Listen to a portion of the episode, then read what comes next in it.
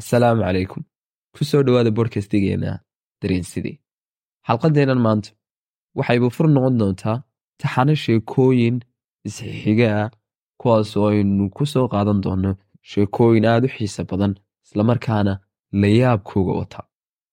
Sheekada ugu horreysa ee ayba furka u noqon doonto sheekooyinkeennaasi ciwaankeedu waxa uu yahay aad ayaan uga baqdaa iidii sheekadan waxa soo warisay amba ku qortay xusuus qorkeyga gabadh lix iyo toban jir ah oo magaceegu yahay saxar. Saxar waxay ku bilowday sida ka muuqata sheekadayda ciwaankeeda. Waxaan qiranayaa inaan aad iyo aad uga baqda iidii ma garanayo sababta. Ma iyada ayaan ku canaantaa baqashadan faraha badan aan ka baqanayo mise aniga ayaa nafteeda ku canaanta balse haddii aan isku dayo inaan idiin sifeeyo amba aan idiin tilmaamo ayiiday sida ay u eeg tahay waxaa laga yaabaa si la mida sideeda inaad dareentaan cabsi waa gabadh madmadow badani wuu ku xeeran yahay. Inta badanna aad u aamus badan oon hadal lahayn. Si lid ku ah dumarka waaweyn ee da'deeda oo kala kuwaasoo inta badan aad u hadal badan oo aad u sheeko badan. Waxay leedahay shakhsiyad aad u awood badan amba karisma. Karisma waa awood shakhsiyadeed ama qofeed oo uu qofu leeyahay taasoo ah mid hogaamineed amba uu ku yeelan karo saameyn dadka kale si la mida. Inta badan waxaad arkaysaa ayeydii mid aad iyo aad madmadow badan oo aan la fahmi karin waxay doonayso. Madaxeegu waa mid dhammaantii boos ah oo caddaaday maxaa yeelay timaheega oo dhani way ciraysteen waxaana wada noqdeen caddaan. Inta badan ilkaheegu waa ay daateen. Sidoo kale wejigeegu waxaa ka buuxa shushub fara badan kaasoo aanu kordhin wax quruxa si lamida sida dumarka waaweyn oo kale oo ay nooc quruxa u kordhiso marka ay shushub wejiga ku yeeshaan balse iyada waxa uu sii kordhiyey keliya tafaalxumo iyo inay noqoto mid aad looga cabsado. Sidaa uu tahay ayidii waa mid ku raaxaysanaysa caafimaad heer sara mana leh wax xanuuna. Si lamida sida dadka waaweyn ee da'deeda ah keliyata waxay leedahay in yar oo cawrnaana taana waa mid ay ku dhalatay oo caadiya ayidey waa mid aad u diidan fikradda ah in guriga ay joogto jaariyad amba ina shaqaalaha oo guriga nadiifisaay iyada ayaa nadiifisa guriga keligeed iyadoo ku adkaysata inayana cidna aana caawin waxyaabaha aadka u sii kordhinaya inay tahay mid aad yo aad loola yaabo amba cabsi badan igu abuurtay waxa weeyaan inay habeenkii marka la gaadho xilliyada dambe ee habeenkii ay soo gasho qolkayga iyadoo isku dayda inay faaruqiso amba ay ka saarto xashiishka ku jira sanduuqa qashanqubka ee qolkayga dhexdiisa yaalla. Sidoo si lamida waxa masaxdaa amba ay tirtirtaa muraayadda amba ku taalla qolkayga.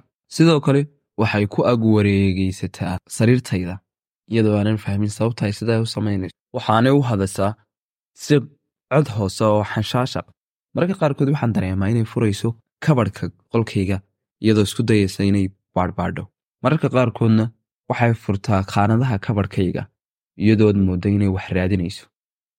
Sidaa ay tahay habeen walba waa ay samaysaa sidan habeen walba waa soo gashaa qolkayga mana garanayo sababta ay sidan u samaynayso.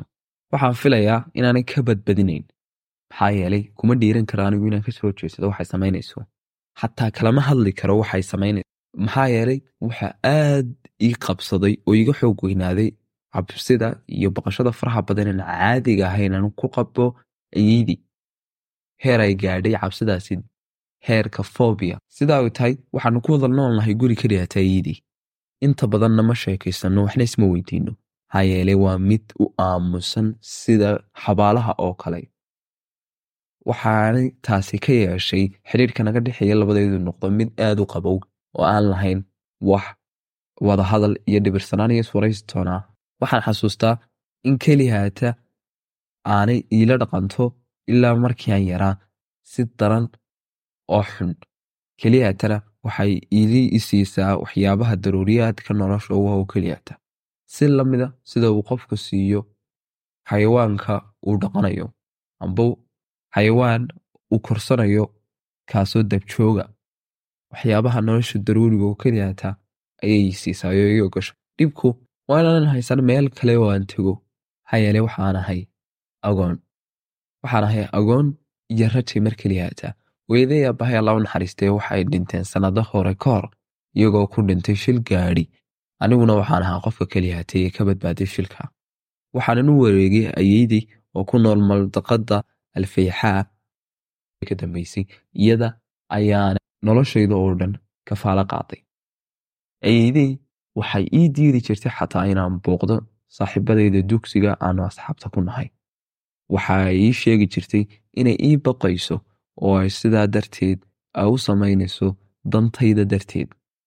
Waxaan ku koray caalam ka go'an dhammaan dunida kale oo dhan. Waxaan ahaa mid ka go'doonsan caalamka intiisa kale oo dhan.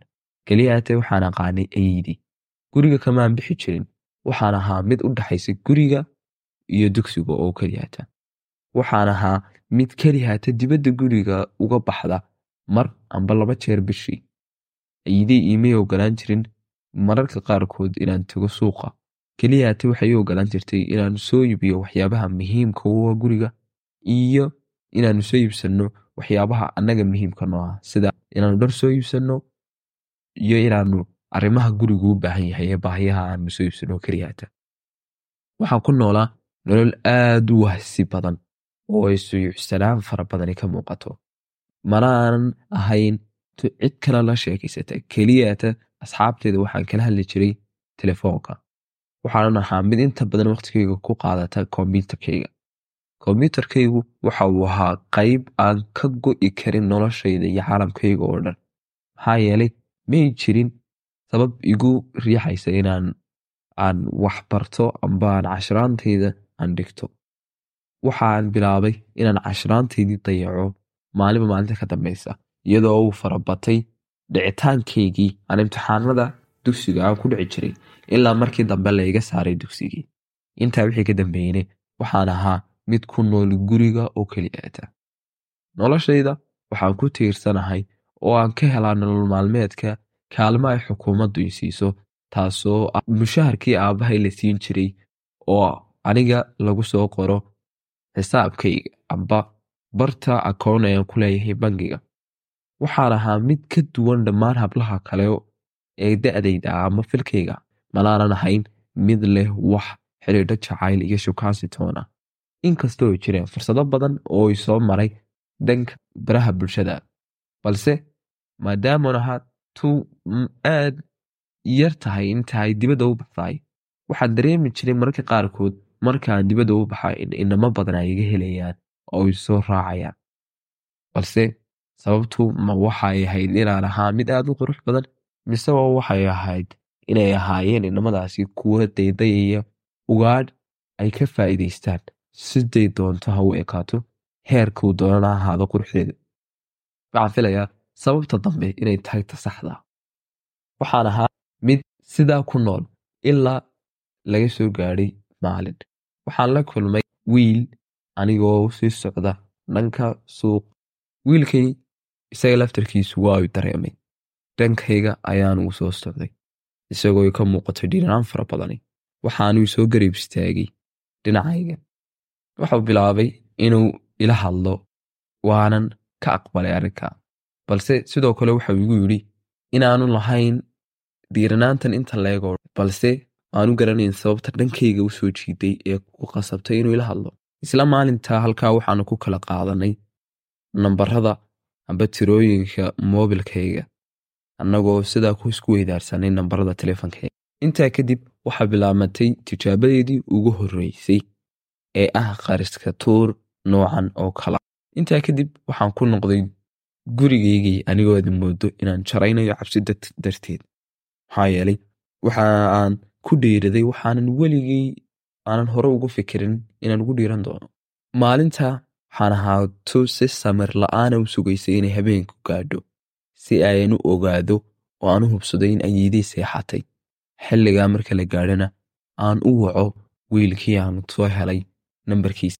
Waxaan marar badan ka labal inaan waco amba inaan iska daayo oon iska dhammihaanteed balse waxaa i oo igu xoog badan dareenkaygii dhalinyarnimo taasoo igu riixday inaan isku dayo inaan bilaabo tijaaba waan wacay kadib waa igu qabtay. Waxaan hubsaday inuu yahay isagii intaa kadib waxaana dhex martay wada sheekaysi kooban taasoon isku baranayno noloshayda gaarka oo midba midka kale uga sheekeynay nolosha uu ku nool yahay.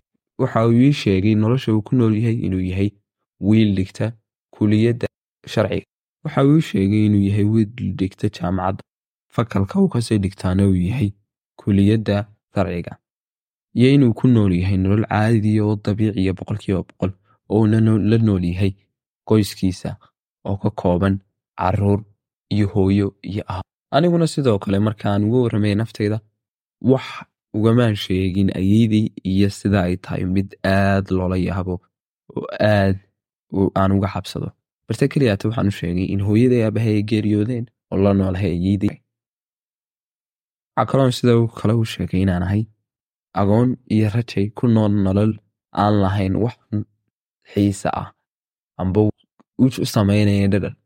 Si lamida sida ay ku nool yihiin hablaha kayrkay oo kalaa waxa uu sheegay inaan isku dayo inaan sameeyo waxyaabo bedela rootiinka noloshayda amba nolol maalmeedkaygan siyuucsan iyo wahsiga faraha badan uu ka muuqdo inaan sameeyo waxaan jecelahay oo ii ah wax hiwaayad ii noqda amba inaan bilowdo mashruuc ganacsiyeed oo ii gaara si lamida sida hablaha da'dayda mararka ay gaadhaan.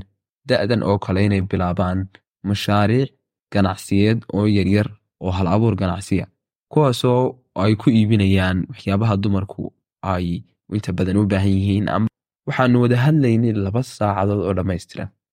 Intaa wixii ka dambeeyey waxaan dareemay hurdo. Waxa isaguna uu ku dheehan tahay anshax iyo asluub iyo xishood fara badan iigu sheegay. Inuu doonayo isaga laftarkiisu inuu seexdo. Maxaa yeelay waxa uu tegaya aroorta jaamacadda xilli horena oo baxay. Waxaan dareemay markii aan dhammeeyey wicitaanka in ay isbeddeshay gebi ahaanba sidii ay u socotay noloshaydu noloshaydii uu ku xeersanaa wahsiga iyo suucisanaanta iyo rootiinka aan isbeddelka lahayn ee soo noqnoqoshada faraha badan leh inuu isbeddelay oo aan helay wax cusub oo soo jiita xiisahayga. Wiilkan waxaan isbaranay xilli aan aad ugu baahnaa inaan la hadlo qof. Maxaa yeelay oo cidda keliya hatay la xidhiiri jiray waxay ahayn saaxiibaday saaxiibadahayna waxaanu kala hadhnay markii aan ka baxay dugsiga maxaa yeelay waxaan noqday mid aad dicitaankeygu u badan yahay imtixaanadu. Sidaas ayaanan kaga baxay dugsiga waxaan isweydiinayey ma waxay noqon doontaa wadahadalkan iyo wicitaankani ma waxau noqon doonaa kii ugu dambeeyey mise waxaa jiri doona kuwo kale. Anigoo isweydiinaya fikradaha nooca ayaa mar keliyata waxaan dareemay in uu qofi furayo kidinka amba iridda qolkayga. Waa ayadii oo mar labaad furaysa qolkaygii oo soo aad ayaan uga baqdaa marka ay sidaasoo kale u soo gelayso qolkayga. Waa xilli aad u dambe xilligani waa labadii habeenimo. Waxaan iska dhigay mid hurda si aan u ogaado waxa ay waxay sidii caadada u ahaydba nadiifisay qolkaygii iyadoo ka saartay kiishkii ku jiray sanduuqa qanshanqubka ee dhex yaalla qolkayga. Sidoo kale waxa ay tirtirtay muraayadii amba iskaatustadii kabadhkayga ilaahayow ma garanayo sababta intan leeg ayaan uga baqanaya iyeydii ma garanayo cabsidan gaadhdhay heerka foobiya ean ka qaba iyeydii marar badan waan isku dayey inaan iska bedelo sidan aan ahay. Marar badan waan isku dayey inaan jibiyo teedka noo dhexeeya aniga iyo ayeydii kaasoo qaa inaan aad uga cabsanayo. Yaraantaydii waxaan isku dayey inaan marar badan aan la sheekaysto oon la kaftamo oon in badan aan la hadlo ayeydii waqtina aan la qaato. Balse waxba taasi way midhadhel weyday wax faa'iidaana way weyday aroornimadii anigoo ku jira qolkayga hor fadhiyana shaashadda kombyuutarkayga ayay ii soo gashay ayeydii waxaana ii soo eegtay si aad cadhow leh iyadoo igu leh waan ogahay inaad shalay tole la hadlaysay inan waan ogahay inaad xalay tole iska dhigaysay qof hurda ma waxaad isku digi kartaa inaad aniga khiyaanto ima khiyaami kartid. Waan kuu digayaa waxaanan ogahay waxyaaba aanad adigu ogeyn ha isku day inaad la xidhiidho qof dibadda ka aqalkeena aniga ayaad ila nooshahay aniga oo keliya hataa ayaana ah. Qofka wanaag kula doonaya waan kaa weynay waxaanan ogahay waxyaaba badan oonad ogeyn. Dadka dibadda joogayey waa dad aad u yaqaana khiyaamada iyo beenta. Ha isku day inaad ku kalsoonaato. Intaa kadib hoos ayaan u foorarsaday anigoo hadalkeyga aad ula yaaban waxaana ku yiri ayayo maalin maalmaha ka mida guriga waan ka tegi doonaa waana la guursan doonaa nolosheeduna way isbedeli doontaa waxay igu jawaabtay weedh dhacaanka ah inta badan hooyooyinku ay adeegsadaan amba ayooyinku waxaana igu tiri haddii uu doonayo wiilkaasi inuu adiga ku guursado albaabka guriga wuu furay balse kulama soo hadli karo wax xidhiidhanayd kama dhaxayn karo. Waxaa sidoo kale ay ii sheegtay inay wiilkii ay la hadashay. Kadib markii ay nambarkiisa ka ogaatay mobilkeyga oo ay xalay markii qolkeyga soo gashay ay aragtay in nambar cusub oo aan ii seef garaysanin amba aan ii diiwaan gashanayn. Aan la hadlay saacado. Wiilka waxa ugu hanjabtay in aanu dibdambaysa ila soo hadal. Wax xidhiidh oo dambe oo naga dhexayn karaana aanu jiri karin. Intaa kadib waxaan wacay wiilkii. Waxa igu yidhi fadlan waan ku barayaa saxab hayla soo hadlin codkaayeyda waa mid aad u cabsi leh aad iyo aad ayaan uga baqanayaa. Fadlan xidhiirkeennu halkaa ha ku dhammaado. Kadib anigoo aad u murugaysan oo ooya ayaan ugu falceliyey ma doonayo in xidhiirkeennu dhammaado. Waxaa tahay qofka keliya taan la hadlo. Fadlan ha iga tegin. Waan ku baryayaa ha iga tegin.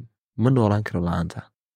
Kadibna waxaan si cad ugu yidhi iga raalli ahow balse waxaa tahay wiilkii ugu horreeya noloshada soo gala maan dhadhamin sida uu yahay dhadhanka xidhiidh in qof kale aan yeesho. Balse waxaan dareemayaa raaxo nafsadeed. Marka aan kula hadlayo waan kuu baahanay fadlan ha iga tegin. In badan ayaanu kala aamusnayn. Kadibna waxa uu bilaabay inuu weydiiyo noloshayda gaarkaaya sida ay tahay. Waxaanu ii sheegay in madmadow badan uu nagu weegaarsan yahay aniga iyo oo waxa uu ka fahmayay ay aad u yar tahay kadibna waxaan go'aansaday inaan u sheego wax kaste. Waxaan u sheegay inaan ahay agoon iyo rajay sidoo kale inaanan dhammaysan barashadeydii iyo inaan ku noolahay kaalmo ay xukuumaddu siisay. Waxaan u sheegay ayeydii iyo sidaan u wada noolahay inay tahay gabadh aad u cabsi badan. Sidoo kale aan u sheegay inay aan ka shakisanahay inay samayso sixirka. Haa inay sixirooley tahay aan u hadlayey si dareen leh. Waxaanan bilaabay inaan aad u ooyo markaan la hadlayay waxaan sidoo kale u sheegay inaan jecelahay isaga oo aan doonayo inuu garabkayga taagnaado. Kadibna aad ayaa wali la yaabay hadalkaa waxaanu igu yidhi waaynu si cad wada hadalno. Ma jirto wax niyada oo ay igu jirta aniga oo aan doonayo inaan guursado aad ayaynu yaryarnahay mana jirto wax xidhiidho inaga dhexeeya. Keliyaata waxaan isku aragnay suuqa kadibna waxaan ka helay quruxdaada. Mana doonayo inaynu xidhiidha oo intaa ka sii faahfaahsan amba ka sii qoto dheer inaynu bilowno. Waxaan rajaynayaa in hadalkaygaasi aanu ku dhibin balse ayiidaa ahaantii aad baan uga baqanaya ayiida hadalkaygu si daran ayaa ii taabtay. Seed ula nooleed adigu wakhtiga intaas iyo sanadadaasoo dhan sideed ula nooleed qof noocaasoo kala ood guri keliyaata u wada nooleedeen intaa kadib waxa uu bilaabay inuu iila hadlo si xamaasad iyo dhiirigelin ku dhisan tahay. Waxaanu ii sheegay inaan aan difaacdo xaqayga iyo xorriyaddayda iyo madax bannaanidayda sidoo kale inaanan ayiiday aanan ixtiraam darro aanan kula kicin oo aanan ixtiraami wayn. Balse inaan isku dayo keliyata inaan xaqayga helo. Taasina waa isleeg aad u adag in la isleekaysiiyo maxaa yeelay ma awoodo inaan sameeyo waxa uu sheegayo waxaanu dhammaynay wadahadalkii waxaanan ku qanciyey inuu xidhiidhkaygu ahaado mid sii waara oo aanu isla sii hadalno. Si kasta oo ayiide isugu daydo inay mashaakil amba dhibaatooyin ay u bilowdo. Intaa kadib waxaan bilaabay inaan ku fikiro inaan dhacsado xaqayga inaan ayiidii u sheego in waxay igu samaynaysaa uu khalad yahay. Waxaan dareemay in ilays yari uu noloshaydii u soo baxay inuu jiro hiigsi aan heli karaa imika inuu rajo cusub yahay gasho diila cusub. Maalmo badan maalmo badan ayaa sidii ku tegey. Waxaanan isku dayey inaan ayiidii khiyaameeyo sidoo kale iyaduna ma ay bedelin caadadii ay lahayd ee ay habeenkii ku soo geli jirtay qolkayga iyadoo baadhaysa waxyaabaha aanlayay balse anigu ma aan keeni jirin wax shaki ku abuuri kara taasoo keeni karta inuu ogaato jidhka naga dhexeeya aniga iyo wiilkan sidoo kale moobilkayga waxaan ka tirtiray lambarkiisii waxaanan ku xiftiyey maskaxdayda si marka aan doonay inaan hadlo aan halkaa uga soo saarto. Balse waxaan ogaaday inaan ahay doqon heer ilaa heer sare inaan ahay doqon sideen isugu dayay inaanu khiyaamo ayeydii? Maba khiyaamayn karo weligey xaqiiqada dhabnimadeedana waxaan ogaaday mar aanu wada fadhinay qolka fadhiga oo aanu wada cashaynaynay iyadoo ay ahayd mid aad u aamusan lamida sida ay tahay caadadeeduba mid aad u aamusan inta badan. Si ka duwan siday yihiin qoysaska kale kuwaasoo inta badan marka la cashaynayo aad u wada sheekaysta. Kadibna waxay ii soo egtay si ay ku jirto cabsi fara badan iyo inay iga cabsi gelinayso. Waxaana igu tiri ma waxaad isku dayaysaa in adiga khiyaamayso doqon yahay. Ma waxaad malaynaysaa inaadan ogeyn xiriirkeeda ka dhexeeya adiga iyo wiilkaa waan ogahay inaad weli lambarkiisii haysato oo aad la hadasho. Waan la hadlay waxaanan u sheegay inuu kaa fogaado oo aanu mar dambe ku soo raacin. Waxaa laga yaabaa inaan markii hore aan khaldanaa inaan kuu oggolaaday inaad mobil haysato oo waxaan islahaa waxay qaadanaysaa tilada waan la hadlay isaga. Waxaanu ii sheegay inuu weli xidhiirhkiinnii socdo. Adigana waxaan kaa qaadayaa mobilka. Waxaan ogaaday inaanad lahayn wax mas'uuliyada oonad qaadi karayn xilka ah. Sidoo kale waxaan dib uga fikirayaa arrintii ahayd inaad guriga ka baxdo bishiiba mar ama laba jeer. Maxaa looma baahnaba inaad guriga ka baxdo aad ayuu ii bardaad geliyay arrinkaasi. Cabsi badanna waa igu beeray hadalkaasi. Xataa heer aan awoodi waayey inaad erey keliya tidhaahdo. Haa islaantani waa mid aan la malaysan karin heerka awoodda ay leedahay. Waxaan bilaabay anigoo ay debnahaygu jaraynayaan inaan ku idhaahdo balse ayeeyo mau baxa anigu aad ayaa ugu kooban yahay oo uu dhif iyo naadir u yahay intaan guriga ka baxaa. Wakhtigayga oo dhan halkan kuma qaadan karo. Kadibna waxay igu tiri adigu ma tiida go'aaminaysa arrinkaas. Aniga ayaa ah ta ereyga ugu horreeya kaugu dambeeya gurigan kale. Maxaa yeelay aniga ayaa gurigan leh. Waxaan la hadli doonaa shirkadaha gaadhsiinta amba deliveriga si ay wax kastoo inuu baahna ay guriga inoogu keenaan. Taasina waa midda ugu wanaagsan ee ugu fudud ee aanad ku tegi karin suuqa keliyata waxaan ku ogolaanayaa marka aad lacagta ka soo saaranayso bangiga. Intaas oo keliyata ayaan ku ogolaanayaa bishii mar keliyata ayaad baxaysaa. Sidee ku ogaatay ayeydey arrimahan oo dhan. Sidee ku ogaatay inaan sida aan uga soo saarto a t m-ka lacagaha? Sidee ku ogaatay? Waxaan o dhan maxaa yeelay qof daadeeda oo kale waxyaabahan oo kale ma fahmi karo kadibna waxaan ku yiri anigoo codkayga oo hinay ku soo jirto balse ayeeyo aniga ayaa qofka masruufa ee bixiya biilka gurigan. Waxaana ka bixiyaa mushaharkii aabbahay ee dowladdu ay siiso. Waxaan awood u leeyahay inaan helo xaqayga. Miyaanan xaq u lahay inaan noolaado sida hablaha kale u nool yihiin.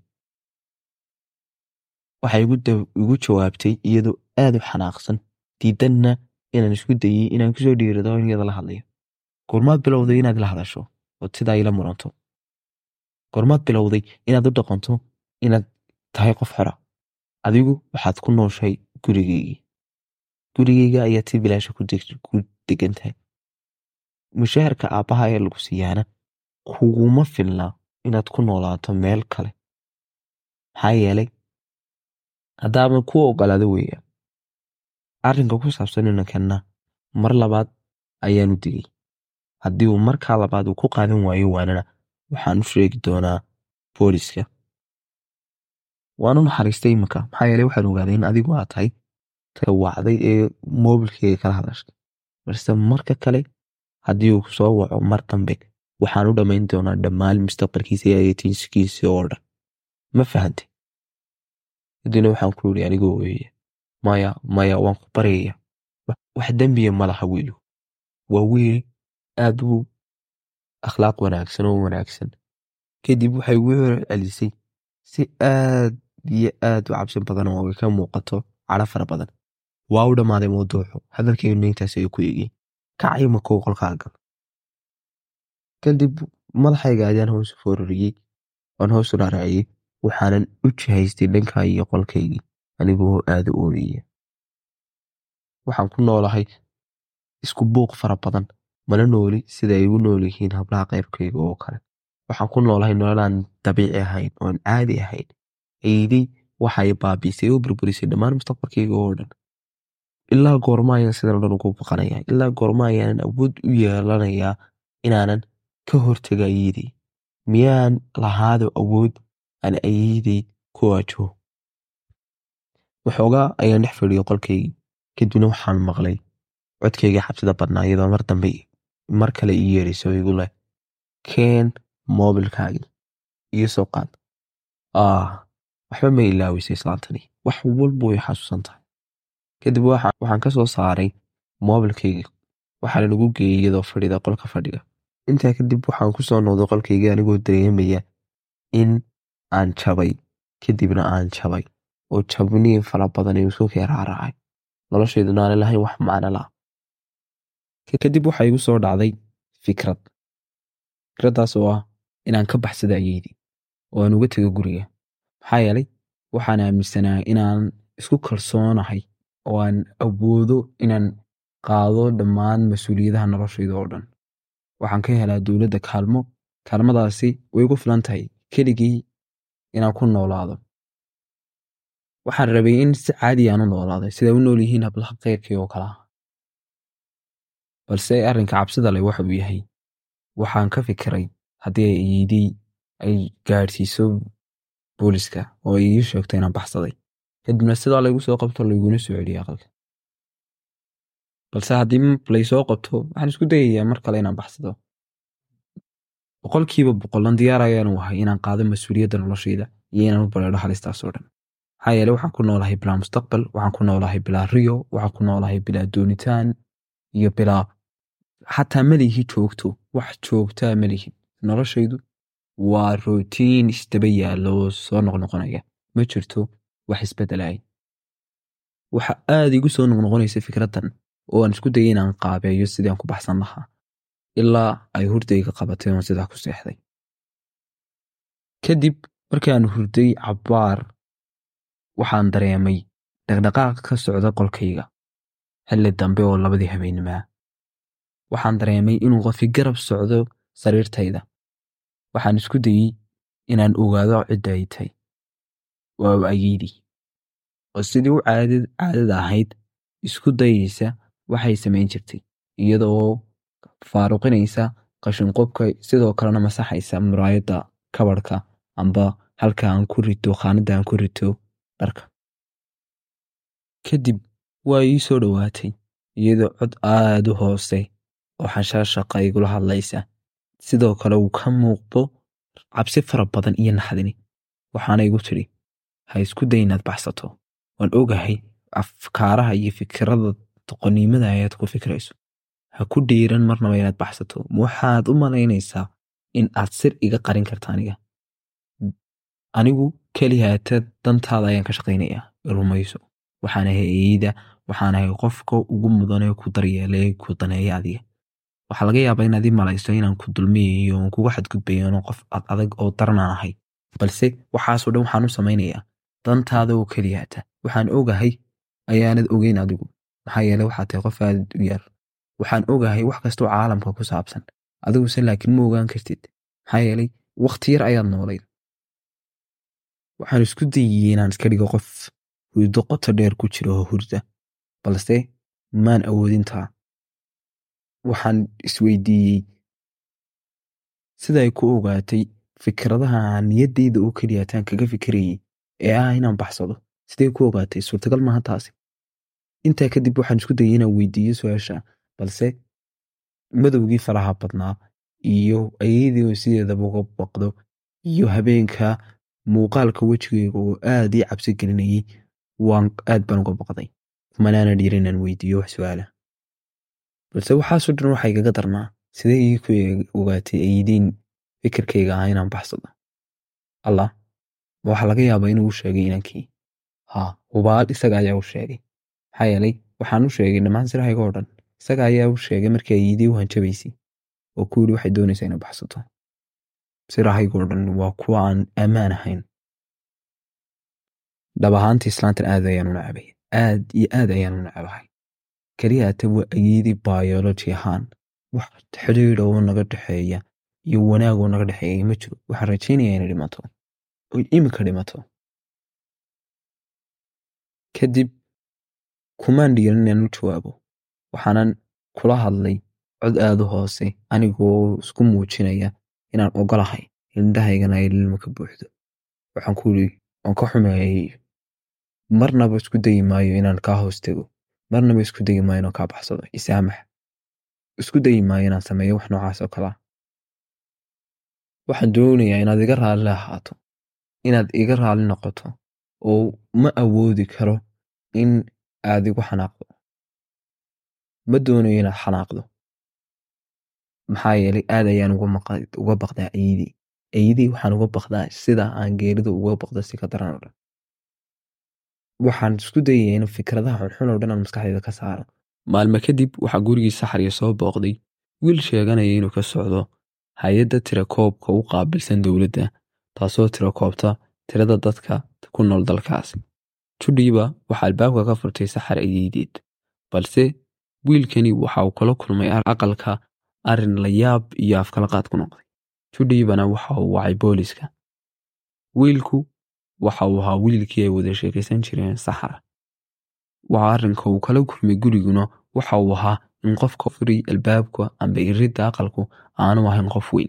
Ee uu ahaa qof da'yara oo isku dayayo inuu isku ekaysiiyo islaam weyn oo xidhan darduuga oo in badan la adeegsanayay.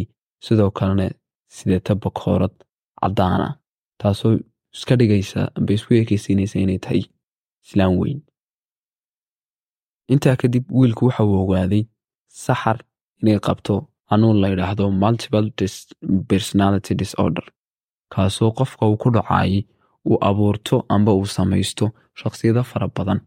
Kaasoo mararka qaarkood gaari kara boqol shakhsiyadood in qof keliya hataay ku wada dhex noolaadaan. Amba qof keliya hataay uu iska dhigo laba shakhsiyadood amba qofnimo iyo wixii ka badan. Sidaa ay ahayd saxar.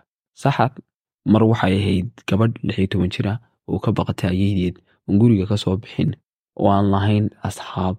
Sidoo kalena cidda keliya hatay taqaana ay tahay ayeydeed oo aanay jeclayn. Iyo ayeydeed oo ay matalaysay oo ay iyadu iska dhigi jirtay xidhan jirtayna dharka ay xidhaan dadka waaweyn taasoo saxar ilaalinaysay ka ilaalinaysay waxyaabaha xunxun oo dhan ka ilaalinaysay dibadda ka ilaalinaysay dhammaan xorriyadaha oo dhanna ka wada xidhay qofka uu xanuunkani ku dhacay waxa uu la daalaa dhacaa uu le uu yeesha in dhowr qofii ay ku wada dhex noola amba uu yeesho shakhsiyado kala duwan. Tusaale inuu mar noqdo qof dhalinyaro ah amba qofkii saxda ah uu ahaa marna uu noqdo waalidkii amba saaxiibkii qofka. Inuu mar noqdo qof iyo cadowgiisa inuu mar noqdo laba qof oo saaxiib ah sida iyo si la mid ah xerarka qaarkood waxay gaadhaa in boqol qof qof keliyata ku wada noolaadaan amba qof keliyata uu boqol qof iska wada dhigdhigo. Isagoo maskaxdiisu ay u sawirayso inuu yahay intaba inuu yahay oo kolba uu mid jilayo amba uu matalayo. Wiilkani sababta uu qariska tuurkan u sameeyey waxay ahayd in uu aad ula yaabay arrimaha iyo ay uga sheekaynayso saxar iyo siraha ay u soo tabisay ee ahaa inay ayeedeed aad uga baqato oo aad ugu daran tahay oo cabsi heer foobiya gaadhsiisan ay ku qabto ayeedeed iyo sidoo kale arrinka shikika ku sii dhaliyey waxa uu ahaa kadib markii ay la soo hadashay ayeedeed oo ugu hanjabtay inaanay saxar mar dambe aanu xidhiir la soo samayn. Amba aanu la soo hadal. Isagoo dareemay codkan inuu garanayo codkani inaanu ahayn qof weyn codkiisa ee uu yahay codkani mid aan ku cusbayn oo uu garanayo. Intaa kadib waxuu isku dayey inuu sameeyo qariska tuur la yaable kaasoo ah inuu soo booqdo guriga saxriyo isagoo iska dhigaya inuu yahay shaqaale ka socda hay'adda tirakoobka ee dowladda. Balse waxa uu la kulmay inay saxar ay ahayd ta matalaysay ee iska dhigaysay inay tahay ayeedeed. Kadib markii ay boolisku yimaadeen waxay ogaadeen in saxar ayeedeed ay goor hore iyo sannado ka hor ay dhimatay oo ay saxar ku aastay meel guriga dabadiisa ah kaasoo ka tirsan deyrka amba ardaaga guriga. Saxar ayeedeed marka ay dhimatay may qaadan fikradda ah in ayeedeed ay dhimatay. Waxaanay intaa kadib ku soo ifbaxay xanuunkan taasoo ay iyadu iska dhigi jirtay oo matali jirtay kaalintii ayeedeed ay jeli jirtay. Intaa kadib saxar booliski waxa u qaadeen dhanka iyo dhakhtarka dhimirka amba dhakhtarka lagula tacaalo dhibanayaasha ka cabanaya xanuunada nafsaaniga amba kasmanafeedka ku dhaca. Inta badan xanuunkan multiple personality disorder amba yeelashada uu qofku yeesho shakhsiyado kala duduwan iyo qofnimooyin kala duduwan waxa uu ku dhacaa dadka la soo noolaa dhacdooyin xanuun badan amba yaraantoodii la kulmay nolol adag oo ay loo dulqaadan karayn sax. Markii ay yareed waxay la nooleed hooyadeedii aabaheed kuwaasoo ahaa kuwaan inta badan heshiis ahayn islayn jiray isku buuqi jiray inta badanna isdagaali jiray. Ilaa markii ugu dambeysay ee ay dhimanayeen kuwaas oo ay ku dhintay shil gaadhi. Balse markii ay shilka ku dhimanayeen hooyadeed aabaheed sababta uu shilku ugu dhacay waxay ahayd inay isdagaaleen iyagoo hayway saaran xawaaro sarena ku socda sidaas ayaa ku dhacay shilkii ay ku dhinteen saxar hooyadeed iyo aabaheed intaa kadibna waxaa loo soo wareejiyey ayeedeed oo ahayd mid aad u daran kuna ad adag saxar lana dhaqmi jirtay si daran sidoo kale aad u xakamayn jirtay waxyaabo badanna ka ilaalin jirtay saxar waxaay sheekadan ku qortay xusuus qorkeyga waxaana sheekadan buugguu leeyahay ku qoray dhakhtarka u gaarka ahaa saxar ee ahaa aqoonyahanka dhakhtarka kasmanafeed ee leedahay saxar. Kadib markii ay boolisku geeyeen dhakhtarka cilmi nafsiga ee lagula tacaalo dadka ka cabanaya xanuunada nafsaaniga